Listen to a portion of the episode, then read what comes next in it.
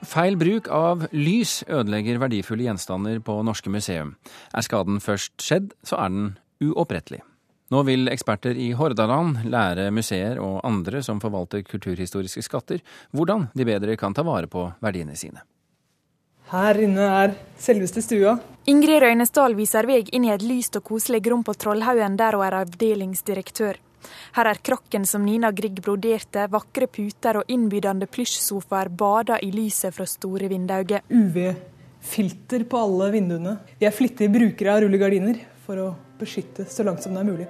Her bodde Edvard Grieg. Gjenstandene er sterke minnesmerker over livet han levde, og av stor interesse for tilreisende fra hele verden. Utelyset er de beskytta mot, men også innelyset kan skade dem. Vi flyttet eh, for noen år siden en del av de mest verdifulle klestekstilene bort til museet, til mer moderne omgivelser, eh, mer beskyttede lysatmosfærer. Derfor er det tomt der kjolen som komponisten en gang ble døpt i, hang. Og det var rett og slett pga. Eh, lysforhold eh, som var eh, uforsvarlige for å kunne ivareta den på den best mulige måte. Bevaringstjenestene på Museumssenteret i Hordaland er nasjonalt kompetansesenter på tekstilkonservering. Nå jobber de med å reparere et digert veggteppe.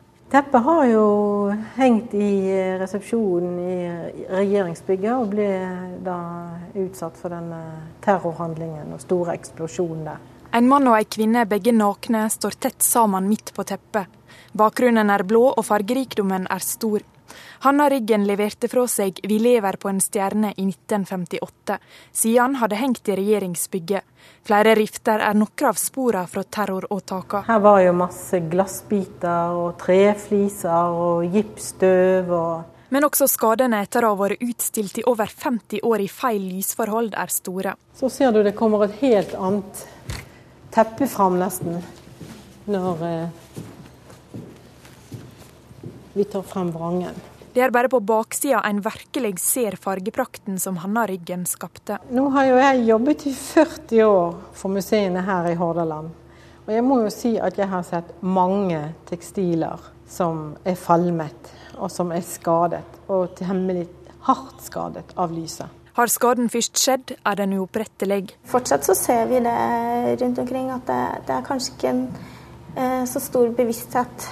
Det, er jo det vi har litt lyst til å sette fokus på nå på fagdagen. At museene blir klar over at eh, ikke bare UV-lys, men også eh, synlig lys kan gjøre stor skade. Gjenstandskonservator Maren Jensen Midtdal skal sammen med andre norske, svenske og danske eksperter informere om farene ved feil lysbruk når museumssenteret samler institusjoner fra hele landet til fagdag i Bergen på fredag. Så Vi håper jo inderlig det at de tar lærdom og tar til seg den kunnskap som her blir formidlet. Skulle vi tatt godt vare på dem, så burde de ligge i det totale mørke bestandig, men det er jo ikke hensiktsmessig. Derfor må vi tilpasse lysnivået og den lystype, slik at eh, det er forenlig med å stille ut. Og eh, passe på at det bare er lys når det er publikum til stede. Ett plagg er allerede redda. I Trollhaugen sitt nyeste bygg henger en rikt utsmykka dåpskjole fra 1770. På en litt mørkere stad enn før, men med ei lysere framtid i vente. Tror vi reddet den i tide. Ja. Ja, det mente avdelingsdirektør for Trollhaugen, Ingrid Røynesdal. Reporter her, det var Rebekka Nedregotten Strand.